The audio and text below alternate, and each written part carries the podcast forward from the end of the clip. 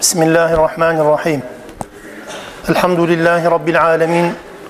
Vessalatu vesselamu ala Resulina Muhammed ve ala alihi ve sahbihi ecma'in. Rabbi şrah li sadri ve yessir li emri ve hlul ukdeten min lisani yefkahu kavli.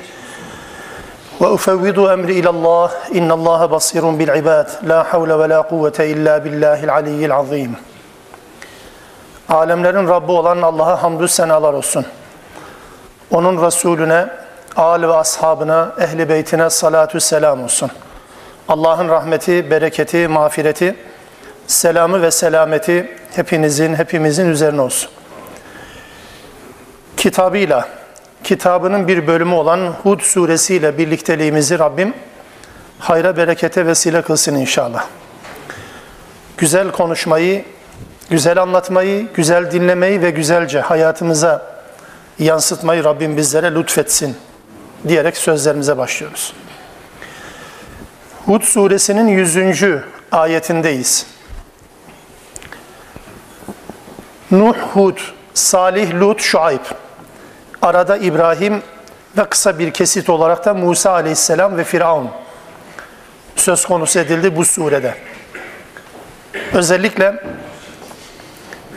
bu peygamberlerin ilk dönem, erken dönem peygamberlerin kavimlerinin tamamının helak edildiğinden, farklı biçimlerde Allah'ın azabıyla dünyadayken yüzleştiklerinden söz edildi. Yüzüncü ayete geldiğimizde bunun neticesi anlamında Rabbimiz dedi ki tilke min enba'il kura nekussuhu aleyk biz sana anlattığımız bu memleketlerin haberleridir. Sana anlatıyoruz bunları. Bu memleket ve memleketlerde yaşayan insanların akıbetlerini sana anlatıyoruz. Minha kaimun ve hasid. Geçmiş kavimlerin anlatılma nedeni geçmişte olup bitenleri bugünün insanlarına anlatmak değil. Vahyin okunduğu dönemin insanlarına bunu anlatmak, bilgilendirmek, geçmişte ne olup bittiğinden haberdar etmek değil sadece. Amaç, nihai amaç Müslümanlara teselli ama İslam düşmanlarına yönelik de bir korkutma ve uyarı mesajı taşıdığından dolayı 100. ayet Rabbimiz tarafından böylece neticelendirildi. Anlattığımız bu memleketlerin haberleridir. Bir kısmı ayakta ve bir kısmı hiç eser, iz bile bulunmamaktadır dedi. Peki geçmişle alakalı bu yaşananlar, özellikle sonuçları vahim olan, akıbetleri yok olmak olan bu insanların, bu toplumların durumu neydi? Neden böyle oldu? Allah mı zulmetti haşa? Yoksa bu insanların yaptıklarının bedeli mi onlara ödetildi? İşte 101. ayet ve 102. ayet bize bu gerçeğin evrensel bir kuralını hatırlatıyor. Evrensel bir gerçek. Dün de, bugün de, yarın da geçerli olacak olan bir kuralı Rabbimiz bu olayların anlatımından sonra bize şöyle bildiriyor. Bismillahirrahmanirrahim. وَمَا ظَلَمْنَاهُمْ Biz onlara zulmetmedik. Onlara biz haksızlık yapmadık. وَلَكِنْ ظَلَمُوا أَنْفُسَهُمْ Fakat onlar kendi kendilerine zulmettiler. Yaptıkları işlerin sonucunu kendileri tattılar. Ya da tattıkları sonucun nedeni kendi yaptıklarıdır.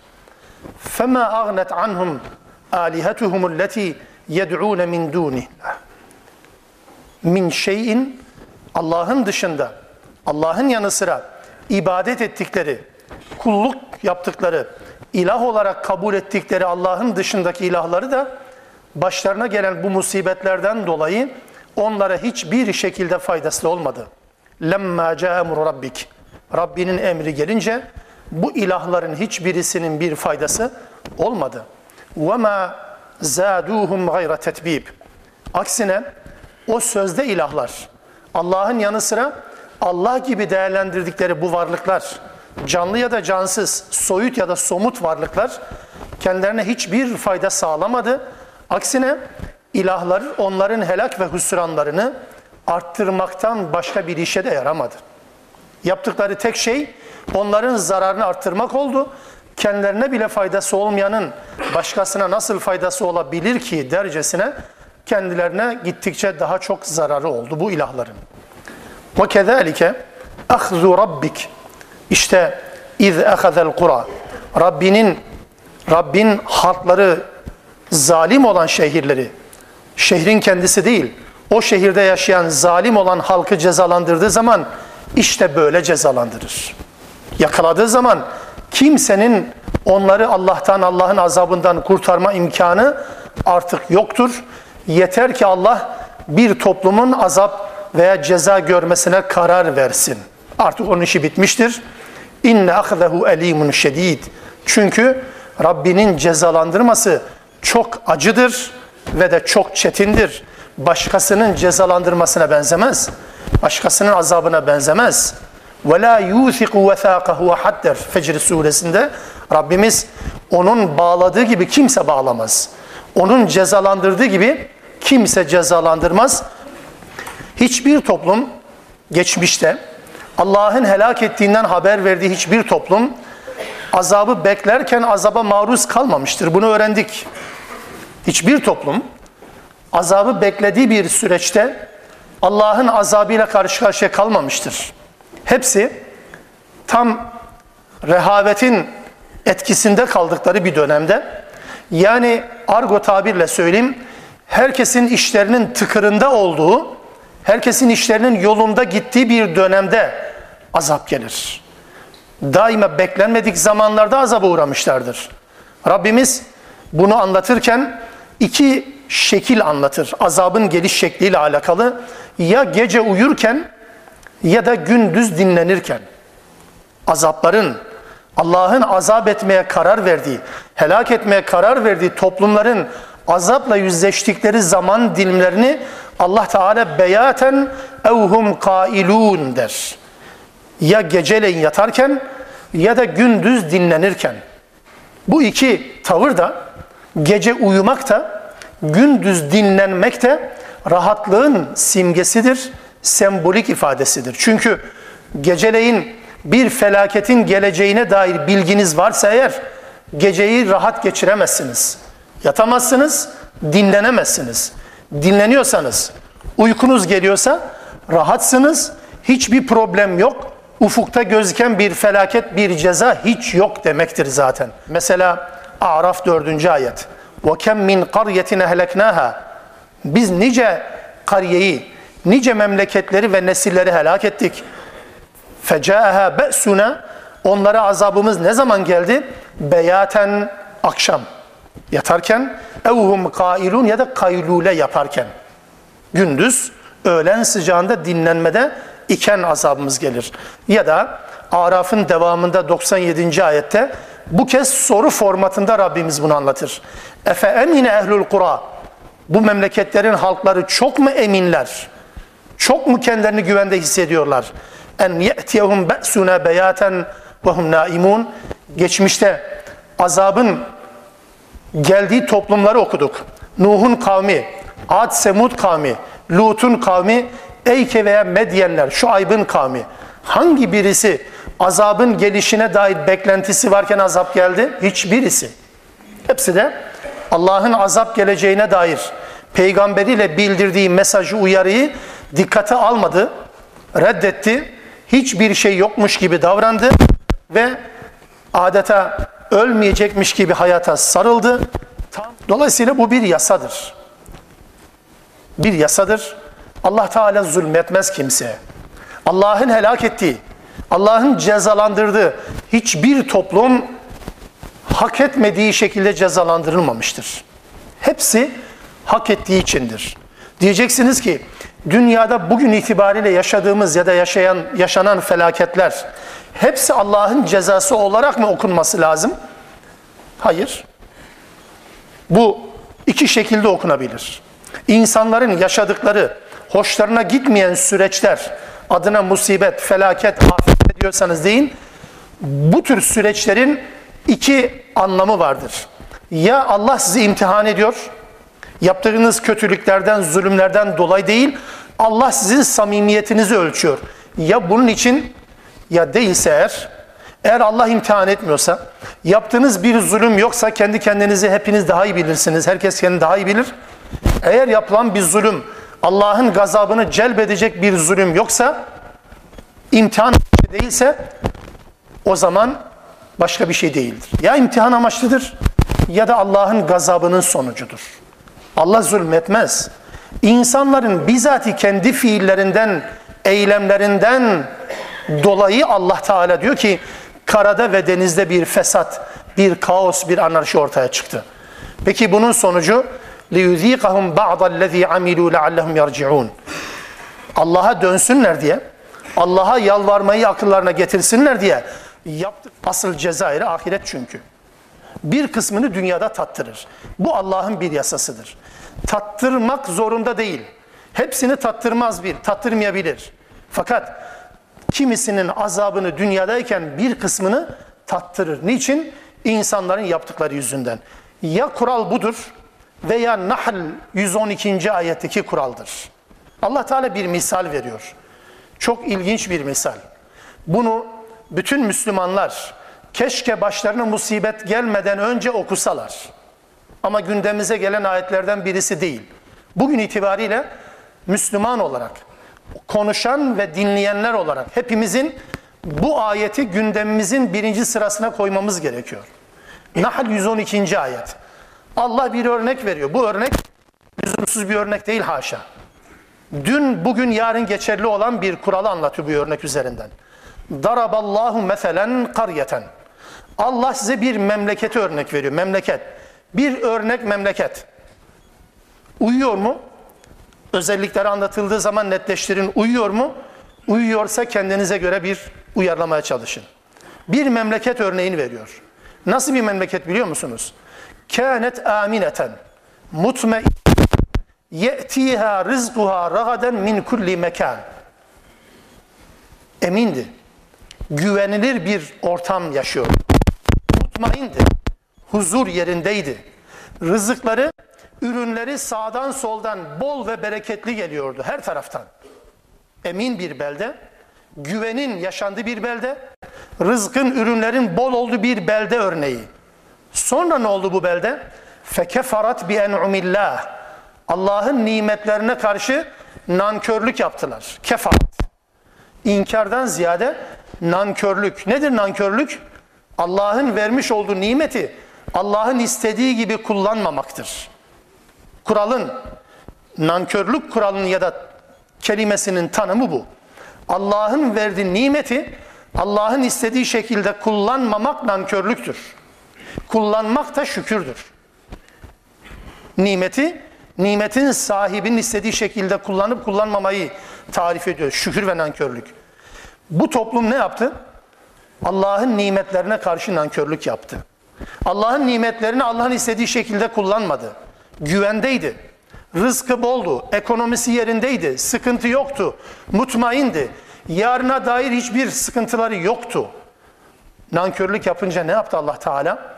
فَاَذَاقَهَا اللّٰهُ لِبَاسَ الْجُوعِ وَالْخَوْفِ Allah bu topluma korku ve açlık sıkıntısını gönderdi. Korku ve açlık. İkisi varsa zaten yoksunuz demektir. Korku ve açlık. Tesadüf mü? Çevremize bakın. Çevrelerinize bakın bakın. Müslümanların bugün yaşadıkları bu sıkıntıların acaba bir nedeni de bu nankörlük mü? Bu nankörlüğün bedeli mi? Hepsi için genel bir kural olmadığını söyledim daha önce. Ama bu soru üzerinde düşünmemiz lazım. Mutmainsiniz, eminsiniz, güven sorununuz yok, ekonomik anlamda sıkıntınız yok. Allah Teala bir bela gönderiyor. Nereden geldi? Beklenmedik zamanda gelecek. Ve beklenmedik şekilde. Bir bela mı geldi? Belanın iki şekli var. Korku ve açlık. İstediğinizi buluyordunuz. Bu kez dün yemeğe tenezzül etmediklerinizi arıyorsunuz. Dün güvendeydiniz. Bugün evinizin kapısının önüne bile çıkamaz hale geliyorsunuz. Allahu libasel cu'i vel havf. Korku ve açlık elbisesi değil bu. Libas aslında nedir? Korku ve açlık azabını Allah gönderdi. Niçin? Bima kanu yasnaun. Sanat haline getirdiklerinden dolayı. İşleri artık sıradanlaştırdıklarından dolayı, yaptıkları amelleri sorgulamadıklarından dolayı, Allah'ın nimetlerini yerli yerinde kullanmadıklarından dolayı Allah korku ve açlıkla sınar. Bu ikisi olduktan sonra zaten yoksunuz demektir. Allah muhafaza. Onun için Allah'ın verdiği nimetleri Allah'ın istediği şekilde kullanmıyorsanız bugün çok mu güvendesiniz? Bugün çok mu bolluk bereket içerisindesiniz? Bu tehlikenin geldiği anlamındadır bunu bilin. Müneccimlik değil bu söyledi. Bu Allah'ın bir yasasıdır. Bu kadar isyana rağmen Allah nimet ve bolluk gönderiyorsa, bu kadar isyana rağmen, bu kadar Allah'ı tanımamazlığa rağmen, buna rağmen eğer Allah bolluk ve bereket gönderiyorsa bilin ki tehlike geliyorum diyor. Bugün bu tehlike yaşayanlar dört yıl önce hiç böyle bir tehlike öngörüsünde bulunmamışlardı. Birbirimizi uyarmak durumundayız. Allah'ın yasası hiçbir zaman değişmez. Sadece zaman değişir. Dört yıl öngörürsünüz, Allah sekiz yıl takdir etmiştir. Siz on dersiniz, Allah on beşinci yılda bunu yapar. Ama bu kural hiçbir zaman sekmez. İnsanların yaptıkları yüzünden, yaptığımız amelleri yüzünden Allah Teala bunların bedelini bize tattıracaktır. Başkasından değil, kendi yaptıklarımızdan çekiyoruz ve çekmeye devam edeceğiz. Allah bu kadar nimet verdi. Allah bu kadar zaman nimeti verdi. Allah bu kadar imkan verdi. Bakın bazen duyuyorsunuz değil mi? Afrika'nın bilmem hangi ülkesinde insanlar Kur'an-ı Kerim okumak için mushaf yok. Mushaf, elifba dediğiniz hani kağıt var ya. O ülkelere gidin. Efendim bizim memlekette biz meyve yiyoruz, peçeteyle elimizi siliyoruz. Tuvalete gidiyoruz, peçeteyle elimizi siliyoruz derseniz size Müslüman gözüyle bakmazlar. Sizin tükettiğiniz kağıtlar yüzünden biz kağıt bulamıyoruz demeye başlayacaklardı. Anlatabiliyor muyum? Taşın üzerine Kur'an yazarak öğrenen, hafızlık yapan kardeşleriniz var. Allah bu kadar nimet verdi size. Kur'an okuma imkanı her zamankinden daha fazla değil mi bugün? Ne yapabildiniz? 15 yıl, 20 yıl önceki yaşadığımız süreçlerde yarın ne olacağının korkusu ve endişesi içerisindeyken anladık mazeretimiz vardı. Peki bugün ne mazeretiniz var? Allah bunun hesabını sorar. Allah bunun hesabını sorar. Bu zamanı, bu imkanı, bu fırsatı değerlendirmiyorsanız Allah bunun hesabını çok ciddi sorar. Elim ve şedid sorar. Acı verecek şekilde sorar, çetin bir şekilde sorar. Anlatabiliyor muyum? Dün bir ders halkasına gitmek için 5 kilometre yayan yürümeyi göze alan Müslümanlardık. Bugün her evin önünde bir tane, en azından bir tane araba varken kapımızın dışında bir yere gitmeye tenezzül edemez hale geldik. Varlık bizi Müslüman yapmıyor. İmkanlar bizi Müslüman yapmıyor kardeşler. Bu azabın geleceğinin habercisidir ama bugün ama yarın. Allah bizi tahammül edeceğimiz, edemeyeceğimiz şeyleri sınamasın. Ama bu Allah'ın bir ilkesi, bir kuralıdır. Ayet 103, 104. İnne fî zâlike ayeten. Bunda bir ayet var. Yani ibret var. Ama herkes mi? Herkes için değil. Herkes ibret almaz. Herkes bunlardan ders çıkarmaz. Limen khâfe azâbel âhireh. Sadece ahiretin azabından korkanlar bundan ibret alır. Sadece ahiretin azabın korkusunu taşıyanlar bundan ibret alır. Bunlar için bir ibret var. Zalike. O ahiret günü de nedir?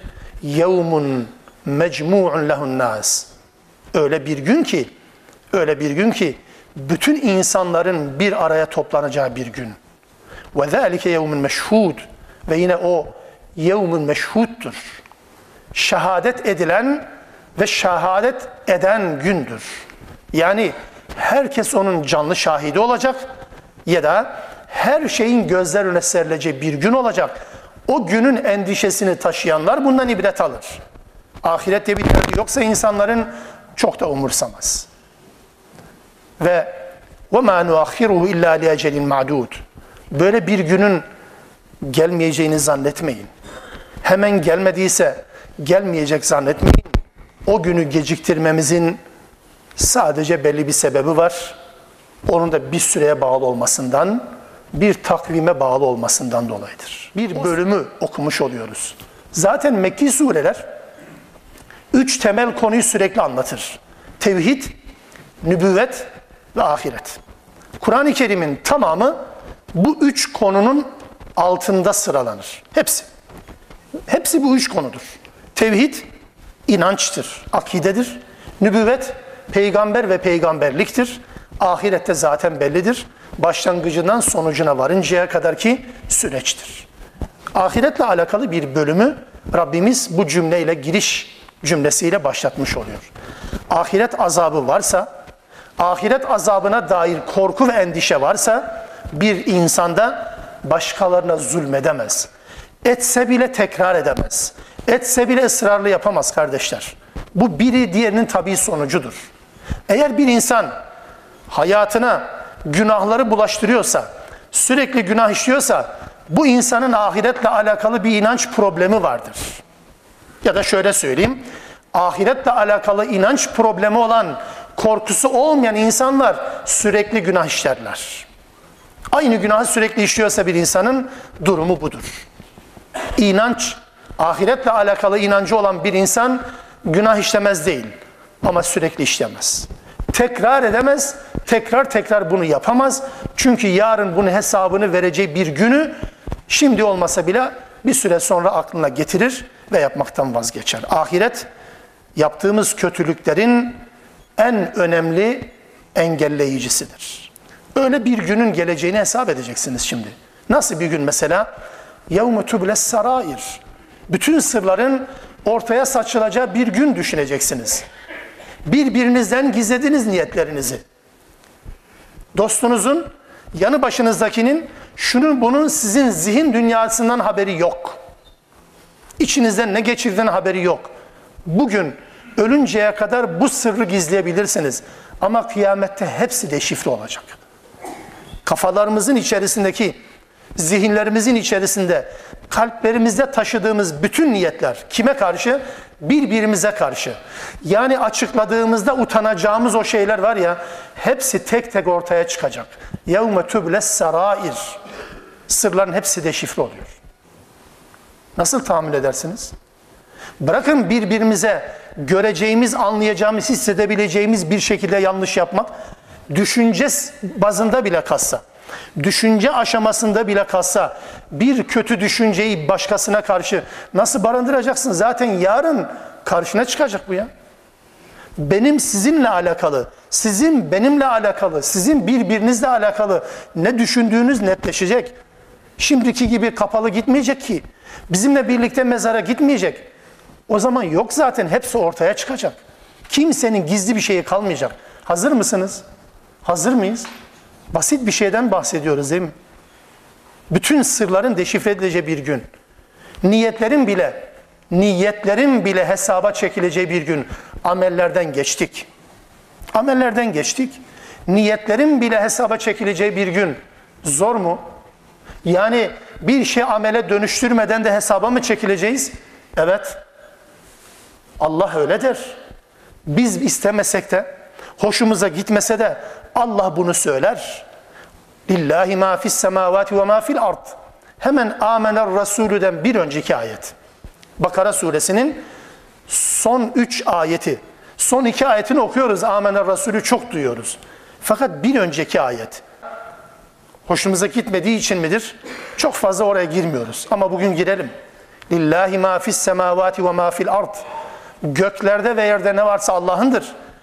Ve in tubdu ma fi enfusikum ev tuhfuhu yuhasibkum bihillah. İçinizdekini açığa çıkarsanız da açığa çıkarmayıp içinizde gizleseniz de Allah sizi hesaba çekecektir. Amel değil bu. İç dünyanızda bir düşünce amele dönüşmedi. Pratize edilmedi. Dünyada karşılığı amel olarak yok. Sadece düşünce safhasında kaldı. Allah sizi hesaba çeker. Açıkladıklarını zaten çeker. Sonra ne yapar? فَيَغْفِرُ لِمَنْ يَشَاء وَيُعَذِّبُ مَنْ يَشَاء Allah dilediğini bağışlayacak, dilediğine de bundan dolayı azap edecektir. Vallahu ala kulli şeyin kadir. Allah her şeye kadirdir. Her şey ölçü verendir, her şey güç yetirendir. Allah hesaba çekecektir. Aynı benzeri bir konuyu İsra suresi şöyle ifade eder. وَلَا تَقْفُ مَا لَيْسَ لَكَ بِعِلْمٍ Hakkında bilgi sahibi olmadığın şeyin peşine düşme.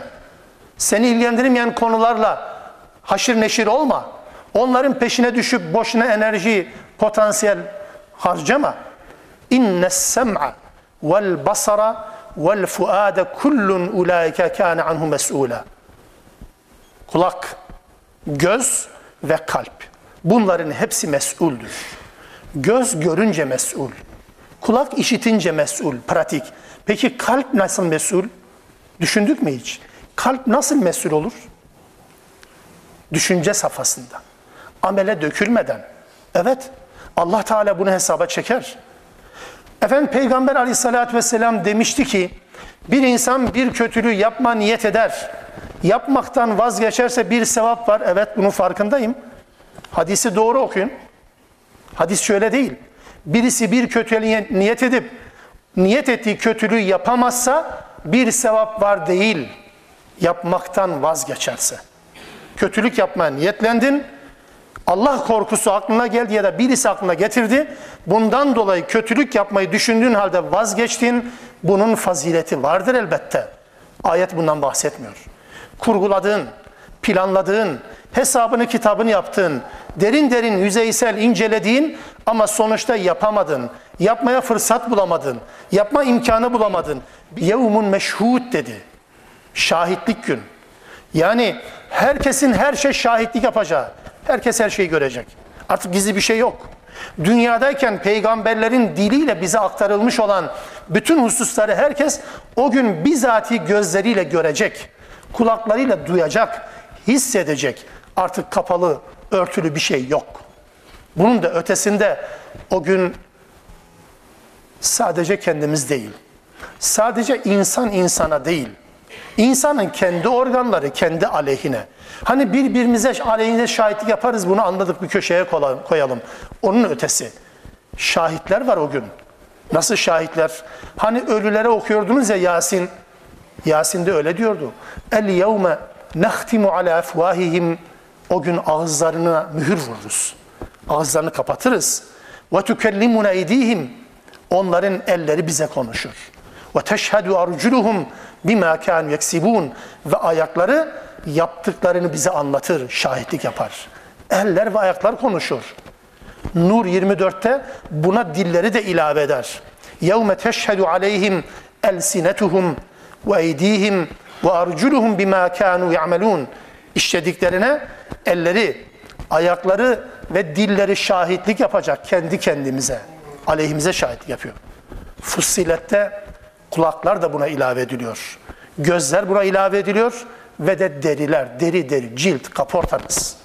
İnsanın kendi derisi, kendi cildi kendi aleyhine şahit yapar mı? Dehşet manzarası. Hatta izâ câûhâ şehide aleyhim sem'uhum ve absaruhum ve culuduhum bima kanu ya'melun. Allah'ın huzuruna gelecekler.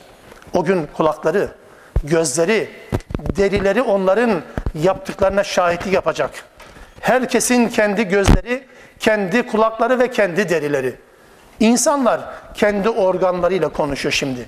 وَقَالُوا لِجُلُودِهِمْ Özellikle deriyle konuşuyor. Ben derimle konuşacağım ya da siz derinizle konuşacaksınız. Diyeceksiniz ki lime şehittum aleyna bize niye şahitlik yapıyorsunuz? O kadar seni özene bezene saklıyordum, krem sürüyordum, genç kalasın diye, zinde kalasın diye sana bakım yapıyordum. Deri, ey deri, niye aleyhime şahitlik yapıyorsun?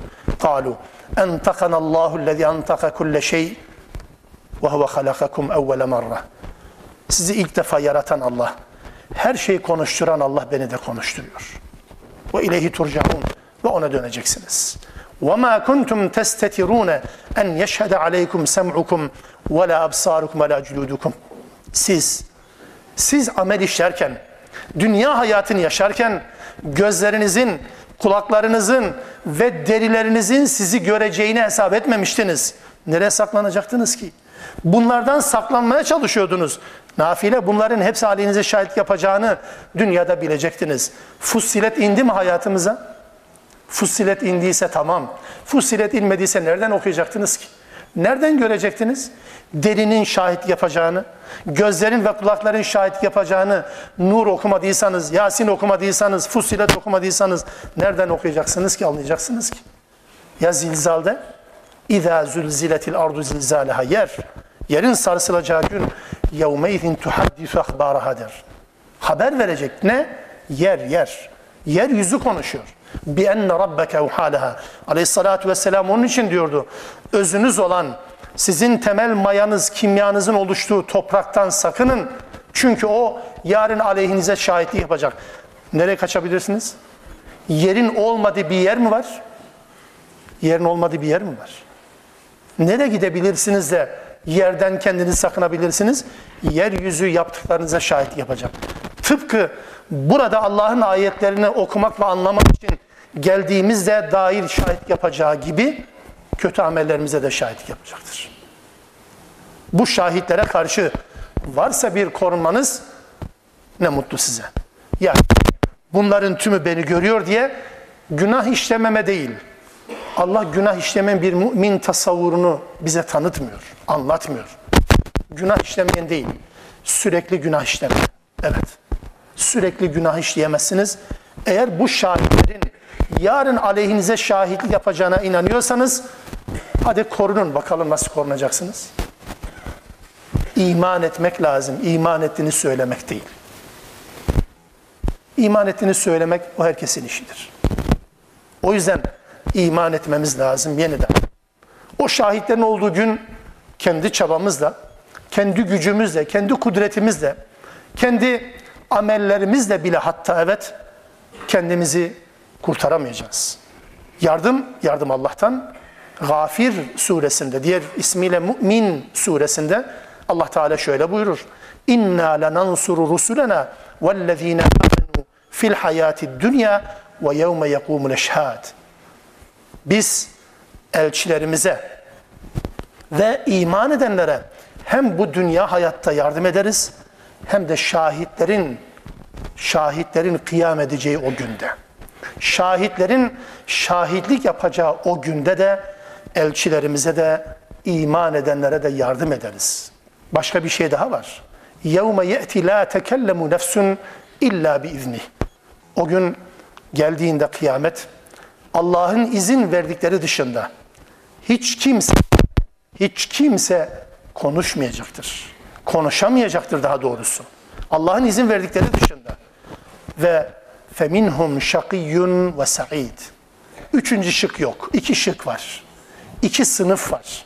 O gün insanların bir kısmı şaki yani cehennemlik, bir kısmı ise sa'id yani cennetlik olacak.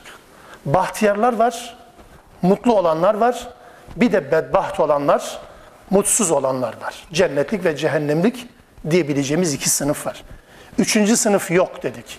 Dünyada vardı değil mi? Mümin vardı, kafir vardı, bir de münafık vardı. O bize göre.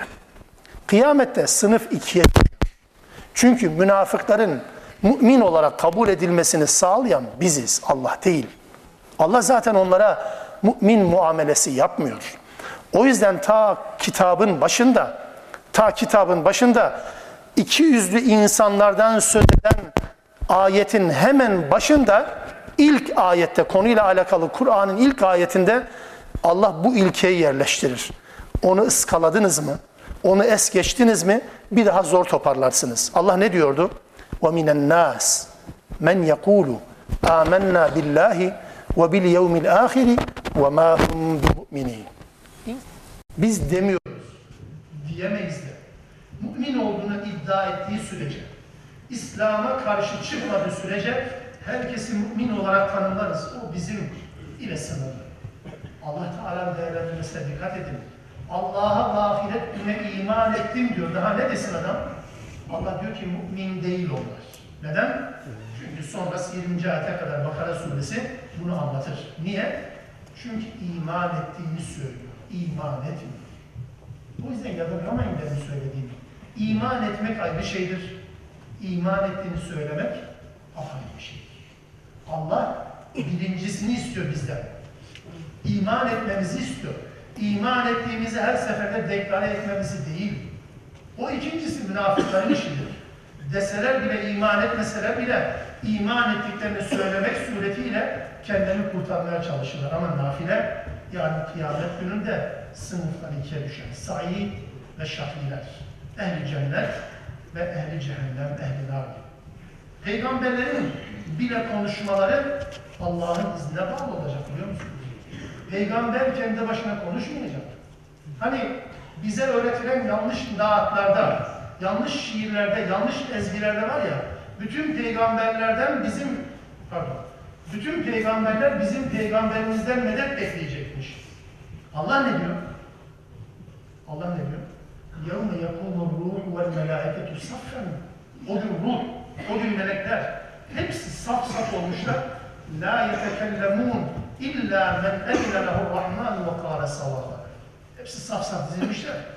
Adeta dünyevi anlamda bir teşbihle söylersek, mahkemenin, hakimin ya da yargıcın huzurunda sanık, idam cezasıyla yargılanan bir sanık statüsünde adeta sessiz ve sedasız beklemektedir. Allah'ın izin verdikleri dışında kimse konuşamayacak. Peygamber de mi dahil? Peygamber de dahil. Ancak وَرَضِيَ لَهُ قَوْلًا der. Taha 109. ayet kerimede. Allah'ın razı olduğu kişi ancak Allah konuş dediği zaman konuşur. Yoksa ben peygamberim ya Rabbi beni peygamber seçtin. Bugün benim böyle bir inisiyatifim yok mu? Ümmetimden bu kadar kişi kurtaracağım. Yok öyle bir şey ki ya. Buhari'nin Sıfatul Cennet son bölümlerinden birisi Buhari kitabının Allah Resulü Aleyhisselatü Vesselam kendi ifadesi. Yarın müminler topluluğunu bekleyen bir süreci anlatırken dedi Aleyhisselatü Vesselam ben Kevser'in başında ümmetimle birlikteyken bir kalabalık, bir grup öbür taraftan benim bulunduğum Kevser'in başına doğru gelmeye çalışırlar. Onların ümmetim olduğunu biliyorum, yüzlerinden tanıyorum. Tanıyorum onları. Fakat melekler onların yanıma kadar gelmelerine müsaade etmeyecekler. Ben diyeceğim ki onlar gelsin ümmetimdir. Onlar da diyecekler ki hayır. Doğrusun bunlar senin ümmetindir ama senden sonra bu dine ne bid'atler ne hurafeler karıştırdı. Bundan dolayı gelemeyecekler. Boşuna heveslenme. Peygamber gelsin diyecek. Allah da gelemez diyecek. Nafile. Onun için herkes kendi hayatını kendisi düzenlesin. Kimsenin kendisini kurtaracağına dair vaatlerine kalmasın. Kimsenin böyle kurtaracağına da inandırmasın kendisini. Bunu Aleyhisselatü Vesselam daha ilk günde kızı Fatıma'ya söylemedi mi? Halasına söylemedi mi Safiye'ye? Teyzelerine söylemedi mi? Amcalarına söylemedi mi? Bakın benden ne isterseniz isteyin vereyim size. Ama yarına dair hazırlık yapın. Ben sizi kurtaramam. Babanız olarak, yeğeniniz olarak ben sizi kurtaramam demişti. İşte bu. Kimse konuşamayacak. Allah'ın izin vermesi dışında o gün böyle bir dehşet. Peki şakiler ve sahipler iki sınıf insan. فَاَمَّا الَّذ۪ينَ شَكُوا فَفِي النَّارِ Şakir olanlar. Yani bedbaht olanlar. Yani hayatını isyanla geçirenler, onlar cehennemde olacaklar. Zefirun, lehum fiha zefirun ve şehid. Orada ilim ilim ilim feryat edecekler. Zefir ve şehit aslında nefes alıp vermenin, hırıltı çıkarmanın bir başka şeklidir. ifade etmeye çalışayım. Onlar için cehenneme girdikleri zaman bu şakilerin bir solmaları var.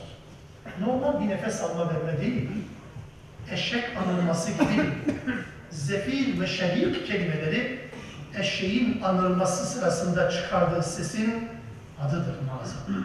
Cehennemde normal bir soluklanma, normal bir nefes değil, zefir ve şehir olacak. Halidine fiha orada ebedi kalacaklar. Ma dâmet issemâvâtu vel ard. Gökler ve yer durdukça. İlla ma şâ'a rabbuk. Rabbinin dilemesi hariç. Rabbin dilerse hariç yer ve gök durduğu sürece orada ebedi kalacaklar.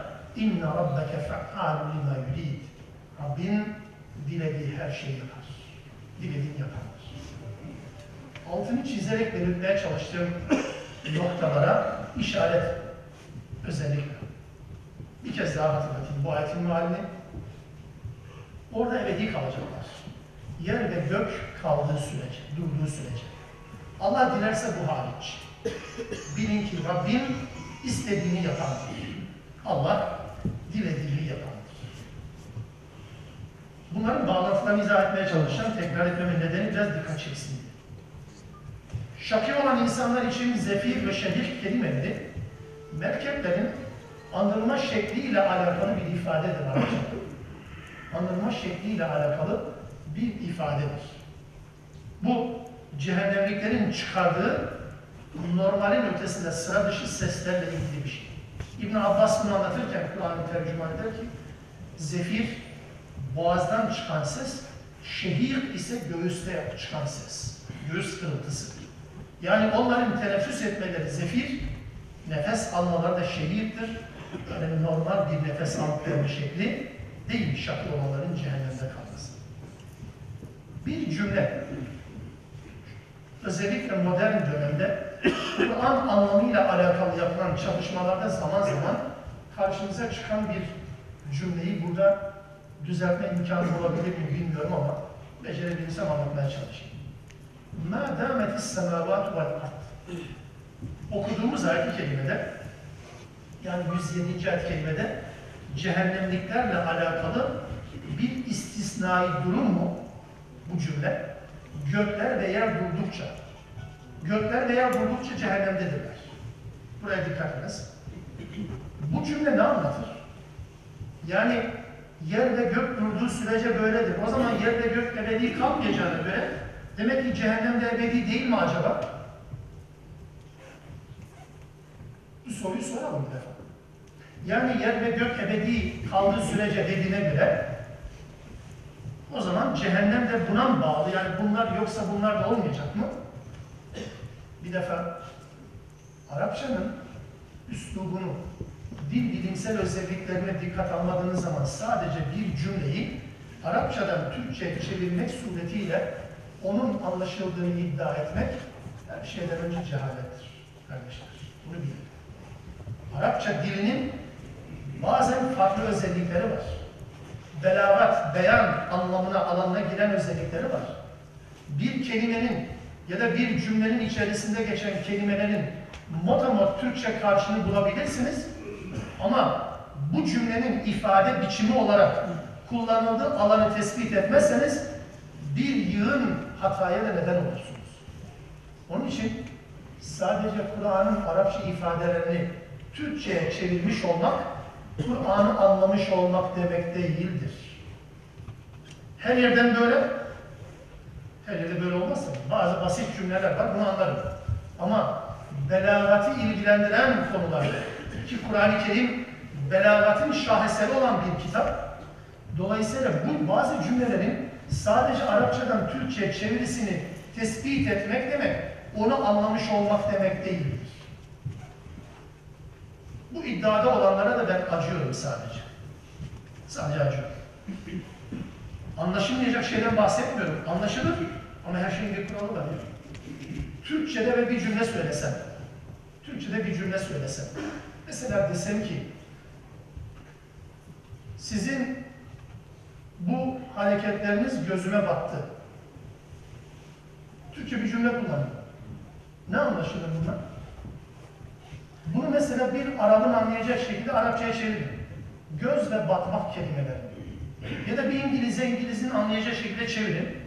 Göz ve batmak kelimeleri. Gülmez mi? Nasıl bakıyor bu? Yani bir dikenin, bir kalemin, bir çubuğun batması gibi mi? Hareketlerin gözüme bakıyor bir deyimdir değil mi? Türkçe'de bu. Bir deyim, örnek olarak söylüyorum. Arapçada bundan çok daha fazlası ve yoğun olan var. Bu anlamda kelimelerin sadece Türkçesini bilmek demek, onun o şekilde anlamını tespit etmek demek değil, böyle karar verdiğiniz andan itibaren çok fahiş hatalar çıkarırsınız. Onunla alakalı bir cümle okuyorum. مَا دَامَتِ السَّمَاوَاتُ وَالْاَرْضِ Gök ve yer kaldığı sürece, gökler ve yer durduğu sürece demek, Arapçada bir deyimdir ve sonsuzluğu ifade eden bir anlamı vardır. Sonsuzluğu ifade eder. Kur'an'ın indiği dönemde de Araplar bu cümleyi bunun için kullanıyor. Bir şeyin ebediliğini anlatmak için son bulmayacağını anlatmak için yani sonunun olmadığını anlatmak için bu cümleyi kullanır. Gök ve yer kaldığı sürece. Yani ebediyen kalacak anlamına kullanır. Bunun deyimin anlamı. E şimdi bunun üzerinden giderseniz, şöyle derseniz, efendim zaten kıyamet günü yer ve gök zaten tahrip olacak. Doğru. Yer ve gök zaten yıkılacak. E demek ki o zaman yer ve gök olmayacağına göre Allah da cehennemde kalma yer ve göğün kalmasına bağladı. Dikkat edin lütfen bağlantıya. Allah cehennemde kalışı yerlerin ve göklerin kalışına bağladı. E yer gök zaten kıyamette olmayacak. O halde o zaman bu da bitti mi? Nereden nereye getiriyorsunuz ya? Bu bir belagat ifadesi. Bu bir cümle. Bir şeyin ebediliğini anlatmak için söylenir. Kaldı ki Allah ne söylediğini bilmez mi haşa? Kıyamet gününde yer ve gök yine olacak. Kıyametten sonra da yer ve gök yine olacak biliyor musunuz? İşin bir de o tarafı var. İlla da böyle itiraz edenler için söylüyorum. يَوْمَ تُبَدَّلُ الْاَرْضُ غَيْرَ الْاَرْضِ وَالسَّمَاوَاتِ O gün yer başka bir yer, gökler başka göklere dönüşecek. Yine yer var, yine gök var. Aynen biz toprağa karıştıktan, toz duman olduktan, ufaldıktan sonra yeniden o topraktan tekrar diriltilmeyecek miyiz? Yokken tekrar var olacağız ya. Aynen bunun gibi gökler ve yer yine var olacak. Ve illa bu itiraz yapılacak. Zaten bu kaldı ki bu itirazın ötesinde bu değil. Dolayısıyla yer ve gök kaldığı sürece demek bir işin ebediliğine dair bir vurguyu anlatır. Arkasından bir istisna daha. İlla maşa Rabbi. Gördün mü? Rabbinin dilemesi hariç. Demek ki Allah dilerse, demek ki Allah dilerse cehennemden çıkaracak. Buna kim itiraz edebilir? Ayetin devamında inne rabbeke fe'al lima yurid dedi ya. Unutmuyoruz onu. İnne rabbeke fe'al lima yurid. Allah Rabbim ki her istediğini istediği gibi yapandır. Allah bir kurala bağlı değil. Dolayısıyla burası Allah dilerse cehennemden çıkarır mı sorusuna vereceğimiz cevap değil. O değil. Ya cehennemliklerle ilgili ebedi azap hükmünün değişebileceğini, değişkenliğini, değişebildiğini de değil. Her konuda mutlak otoritenin Allah olduğunu anlatmak içindir. Dikkat edin buraya lütfen. Bu tür cümleler parçacı bir yaklaşımla tercüme edilir. Ayetin muhtevası, manası tahrip edilir. Rabbinin dilemesi hariç cümlesi Allah'ın hiçbir kurala bağlı olmadığının ifadesidir. Bunu unutmayalım lütfen. İnsanların tabi olduğu kurallar var. Fakat Allah için bağlayıcı hiçbir kural yok. Yani Allah dilediği şekilde dilediğini yapar. Allah ile alakalı bazı tanımlar var. Mesela la yus'el amma yef'al. Yaptığından hiçbir zaman sorulmaz ama Allah istediğini yapandır. Allah'ın yaptığı niçin yapıldı diye sorulmaz Allah'a. Neyse kemik şey hiçbir şey Allah'a, Allah hiçbir şeye benzemez. Bunları yan yana koyduğunuz zaman Allah tanımı doğru çıkar. Bunlardan birini eksik gördüğünüz zaman e, Allah'ın yapmaya çalıştığı şeyi sen sorguluyorsun. Allah diyor ki ben öyle değilim, sorgulamam. Bazı şeyler Allah yapmaz mı? Yapmak isterse yapabilir ama yapar mı? Desem ki Allah bize bizi taş yapabilir mi? Yapar tabii ki. Kim yapmaz der. Yapmaz deseniz ayrı bir bela. Yapar derseniz de yapmamış hiç. Yani bu soru değil, bu cümle değil. Anlatabiliyor muyum? Bu Arapçanın belagatiyle alakalı, bir cümle yapısıyla alakalı bir ifade tarzı. İlla maşallah. Tekrar ediyorum. Bu cümle Allah'ın kurallara tabi olamayacağını, tutulamayacağını anlatan bir cümledir. Yani bu insanlar cehennemde kalacak. Allah dilerse hariç demek, Allah sizin hükmünüze bağlı değil, Allah istediğini istediği zaman yapar. Yaptığı zaman da kimsenin yapıyor diye hesap soramaz. Anlatabiliyor muyum? Mesela bazen soru sorulur. Denir ki, yani Allah bizim hangi ameli işleyeceğimizi, hangi amelleri işleyeceğimizi, cennetlik mi cehennemlik olacağımızı bildiği halde niye bizi yarattı? Çünkü ciddi bir soru zannedilir. Aslında bu sorunun cevabı biliyor musunuz? Niye yarattı? Allah'ın canı istedi. Niye yarattı diye sorulmaz ya. Niye yarattı diye soruyorsan bu Allah değil o zaman. Allah'a sorulmaz. Allah'ın canı ister öyledir. Ha bundan sonra ikna edici bir cevap mı bulacaksın? Bulabilirsen bulun. Kimi ikna edeceksin bilmiyorum. Allah'ın niçin yarattığını cevap Allah'ın canı istedi. Yani Allah böyle evet başına bunları getir mecbur muyum? Allah'ın canı istedi. Değiştirebiliyorsam değiştir kardeşim. Süreci. Allah bazı şeyleri yapabilir, bazı şeyleri yapamaz anlamda da değil. O yüzden illa maşallah, illa maşallah dilerse hariç cümleleri Allah'ın bir kurala tabi tutulmayacağını anlatır. Önemli bir benzer cümleyle bunu hatırlatayım isterseniz. Araf 89. ayet-i kerimede Şuayb'ın kavmi Medyenler Şuayb Aleyhisselam'ı köşeye sıkıştırdılar kendilerince. Dediler ki ya seveceksin ya terk edeceksin dediler. Ya seveceksin ya terk edeceksin. Ya bizim milletimize döneceksin, dinimize ya da seni burada barındırmayız dediler. Şuayb Aleyhisselam'ın sözünü Allah bize şöyle aktarır. قَدْ اِفْتَرَيْنَا عَلَى اللّٰهِ كَذِبًا اِنْ عُدْنَا فِي مِلَّتِكُمْ بَعْدِ اِمْنَجَّانَ اللّٰهُ مِنَا Allah bizi bu inançtan kurtardıktan sonra Şuayb ve beraberlikler bunu söylüyor. Allah bizi bu batıl inançtan kurtardıktan sonra bizim tekrar o inanca dönme imkanımız yok. Dönersek şayet Allah iftira atmış oluruz. وَمَا يَكُونَ لَنَا نَعُدَ فِيهَا Bizim ona dönmemiz yakışmaz bize. Dönemeyiz. Dönmeyiz. İlla en yeşâ Allahu. Tercüme edin şimdi. Rabbim dilerse hariç. Peki Rabbin Şuayb'ın ve iman edenlerin batıl inanca dönmesini diler mi? Peki Şuayb bunu bilmiyor mu? İşte cümleyi yapsın. Bu ne demek biliyor musunuz? Ben buna karar verdim ama tek otorite ben değilim, yegane otorite Allah'tır. Allah dilerse hariç. Ama ben bugün şu an itibariyle ben böyle bir şeye teşebbüs etmem, ben reddediyorum. İlla en yeşâallâhu rabbuna. Bu cümleyi buradaki bir tercüme ederseniz ne olur? Rabbim dilerse hariç o zaman demek ki dönme ihtimalini kapıyı açık bırakıyor öyle mi? Haşa haşa. Bir peygamber yapılabilecek bir iftiradır. Rabbim dilemesi hariç cümlesi onun için bunu anlatmıyor. Sonuçta peki bu cümleden 107. ayetten çıkan cümle eğer burada cehennem kafirler için bile sonsuz değil sonucu çıkarılacaksa bakın bir sondaki ayet gelecek. 108. ayet. Orada da cennetin ebedi olmayacağı, sonucu çıkardı biliyor musunuz? Niye? Çünkü aynı cümle yapsa orada da. Şimdi bunu konuştuğunuz konuştuğunuz bir sonraki ayete geçmezseniz fahiş bir hataya da imza atmış olursunuz. Cehennemliklerle alakalı bu cümle yapısının aynısı cennetliklerle alakalı. Eğer burada deseniz ki cehennem kafirler için bile sonsuz değil, o zaman cennet de kafirler için, şey, müminler için sonsuz değil. Onda bitme, tükenme şeyi var. Diyebilecek misiniz? Diyebilecek bir Müslüman mı var? Bakın Allah Teala 108. ayette de şöyle söylüyor. وَاَمَّا الَّذ۪ينَ سُعِدُوا فَفِي الْجَنَّةِ Said olanlar. Yani bahtiyar olanlar. Yani mutlu olanlar. Ameli cenneti gerektirenler. Onlar da fefil cenneti halidine fiha. Orada ebedi kalmak üzere cennettedirler. Aynı bir önceki ayet. Ma dametis semavat vel ard. Ne demek? Yer ve gök kaldığı sürece, durduğu sürece. Ne anlamdaydı? Ebediyen kalacak. İlla ma şa rabbuk buyurun. Rabbin dilerse hariç. Yani cennete girdikten sonra tekrar çıkış mı olacak? Öyle değil. Yani Allah böyle bir kural koyduysa Ya Rabbi sen bunun tersini yapamazsın. Sen bağlandın, söz verdin, bir daha bunu yapamazsın diyemezsiniz. Allah siz değilsiniz. Maşallah. Onun için illa maşa Rabbuk Rabbin dilerse hariç. Yani otorite olarak Allah'tır.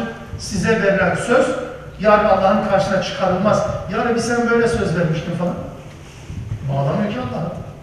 Anlatabiliyor muyum? İlla maşa Rabbuk Hatâen gayra mecdûd. Bitmez, tükenmez bir lütuftur. Onların nail olacaklar nimetler bitmez ve tükenmez.